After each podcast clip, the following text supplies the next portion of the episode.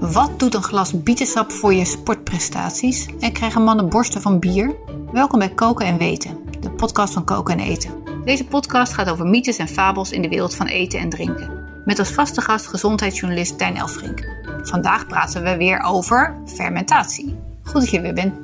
Ja, vorige keer hadden we het over melkzuurfermentatie. Yes. Ja, dat is ja, een beetje enthousiaste thuiskok maakt uh, zelf kefir en kombucha en zuurkool van een, uh, van een kool. Maar het kan nog veel gekker. Het, het hart van sommige thuiskoks gaat ook echt pas uh, sneller kloppen van zelfgemaakte sojasaus of natto. Ken je dat? Mm, nee, natto heb ik nog nooit van gehoord. Wel van miso. Is dat hetzelfde? Ja, nee, zeker niet. Nee, nee, oh. nee. Uh, nat, nou, sterker nog, ja, ik vind miso echt heel erg lekker. Ja. Maar heel eerlijk gezegd, natto moet ik even aan wennen. Maar dat zijn allebei gefermenteerde sojabonen, toch? Ja, klopt. Alleen natto, dat is echt uh, de hele boon. En er zit een soort ja, slijmerig laagje omheen. Met, en als je dat, daar een lepel uitneemt, ja, er komen hele lange draden.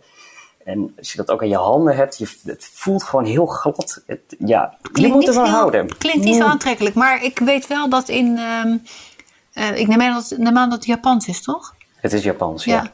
In, uh, in, dat ze in Japan ook meer waardering hebben voor wat er in je mond gebeurt. Ja. Um, en die structuur van slijmerig, die wordt daar wel wat meer gewaardeerd dan hier, heb ik de indruk. Dat, dat denk ik ook. Het wordt inderdaad heel veel gegeten daar. En ja, ik denk dat je er op een gegeven moment wel aan went. Ja. Maar ja, ik, ik, ik probeer het nu wel een tijdje. Maar om te zeggen dat ik het heel erg lekker vind, nee.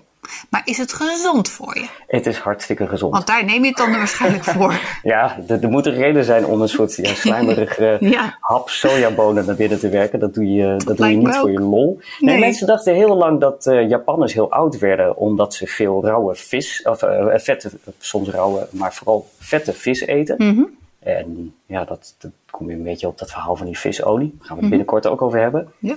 Maar wat blijkt nou? Het is waarschijnlijk helemaal niet die vette vis. Het is natto. Hmm. Dus die gefermenteerde uh, sojabonen. Uh, Japanners eten dat vaak als uh, ontbijt. En het interessante is dat er echt niet normale hoeveelheden vitamine K2 in zitten. Oh, en K2 heb je dat zo nodig? Nou, als je bijvoorbeeld ook zo, zo supplementen koopt van K2, dan is ja. dat ook meestal op basis van deze natto. Vitamine K kennen we natuurlijk al langer. En in die zin, ja, het verschil tussen vitamine K en K2 is ook niet heel groot. Het doet in feite hetzelfde. Het is enige verschil dat K2 iets meer vetoplosbaar is. En daardoor verspreidt het zich net op een andere manier door ons lichaam. En dat is wel interessant, omdat het op die manier een uh, rol speelt bij het voorkomen van bijvoorbeeld aderverkalking en hart- en vaatziekten. Oh, zo. Ja. Dat klinkt wel uh, ja, een reden ja. misschien om het toch een keer te proberen. Ja, dus hou dat vooral in gedachten ja, als je een zeker. hap slijmerige uh, sojabonen ja. naar binnen Ik denk er nog heel even over na. Ja. Um, um, maar ik heb begrepen dat dit is dus een ander soort fermentatie dan melkzuurfermentatie. Want hoe, hoe heet dit dan en wat, wat, wat is het dit, verschil? Dit is de alkalische fermentatie. En bij uh, melkzuurfermentatie, waar we het vorige keer over hadden, ja, zetten ba levende bacteriën, dus die uh, suikers in melk om in melk, ja, melkzuur. Mm -hmm. En dit is wel echt, ja, dit is wel wat, wat ingewikkelder allemaal. En het, het is ook niet zo dat je dit ja, zelf even kunt doen. bijvoorbeeld zuurkool maken, daar heb je een kool voor nodig en zout, that's it. Ja. En voor yoghurt hadden we het vorige keer ook over, ja, je hebt een pak houdbare melk nodig. En een, een, een flinke lepel bestaande yoghurt. Ja. Maar hiervoor heb je toch wel echt uh, ja, een soort starter nodig. En ja die, die, ja, die koop je dus ook niet zomaar in de winkel. Uh, ik sprak, sprak meneer Wat Eet Ons, die uh, heeft dat echt zelf uit, in dit geval Korea gehaald. Nou, dat is best prijzig en dat duurt ook wel even. Ja. Dus hij verkoopt dat nu zelf ook door aan andere hobbykoks, zodat ze dat ook wat makkelijker kunnen gaan doen. Dus nee, dit is niet fermenteren voor beginners. Wat is het verschil tussen die alkalische fermentatie en melkzuurfermentatie? Ja, bij melkzuurfermentatie zetten die bacteriën aanwezige suiker in melk om in melkzuur. En ja, bij deze vorm van uh, fermenteren uh, doen die of leven die bacteriën niet alleen op suiker, maar bijvoorbeeld ook op eiwitten. Dus ook eiwitten is een bron voor die bacteriën. En oh. daar komt ammoniak bij vrij. Dat, zorgt ervoor. Dat klinkt niet heel lekker. Nou, dat, dat, dat, daar proef je helemaal niks van. Oh. Ehm, het, het, is wel zo dat ja, het heeft invloed op de zuurgraad. En je merkt dus ook bijvoorbeeld dat kefir of yoghurt is zuurder dan gewone melk. Ja. En zuur is op zich eh, heel goed tegen slechte bacteriën. Mhm. Maar die ammoniak zorgt ervoor dat die zuurgraad wat, ja, wat minder zuur wordt. En dat is ja, het walhalla voor ziektekiemen, zo legt de hoogleraar eh, in Wageningen uit. Dus daar moet je wel echt goed voor opletten.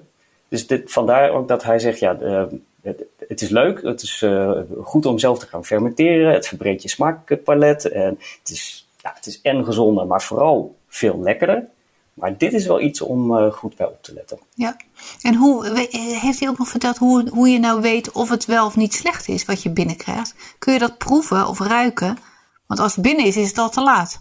Ja, dat is dus heel moeilijk. Uh, er zijn wel allerlei uh, ja, setjes en kits te koop om bijvoorbeeld de, de zuurgraad uh, te testen en te checken. En op basis daarvan kun je wel afleiden van gaat het de goede kant op of niet. dat heb je bij bijvoorbeeld zuurkool of yoghurt heb je dat niet snel nodig. Dat, daar kan niet zo heel veel bij fout gaan. Nee. Dus probeer, begin vooral met, met melkzuur fermenteren. Ja. En, de, en, als je echt verder wil, dan ga je naar de site van Wat Eet Ons, begrijp ik. Van meneer Wat Eet Ons. Ja, dat, dat, dat, kan natuurlijk. En ja, natto, je kunt het zelf fermenteren. Je kunt het ook gewoon, nou, gewoon in bepaalde winkels kopen. Het ligt nog niet in de supermarkt, maar een goede biologische winkel, een natuurwinkel. Een toko misschien? Ja, soms ook wel. Het ligt gekoeld. Ja. Dus dat maakt het zoeken wat makkelijker. Ja. Leuk. Nou, interessant. Dank je wel weer voor deze uitleg. Nou, graag gedaan. Oké, nou tot volgende keer. Tot volgende keer.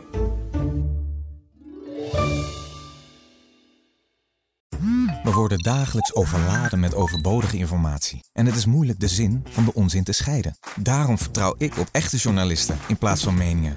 Een krantenmens heeft het gemakkelijk. Word ook een krantenmens en lees je favoriete krant nu tot al zes weken gratis. Ga snel naar krant.nl. Bezorging stopt automatisch en op deze actie zijn actievoorwaarden van toepassing.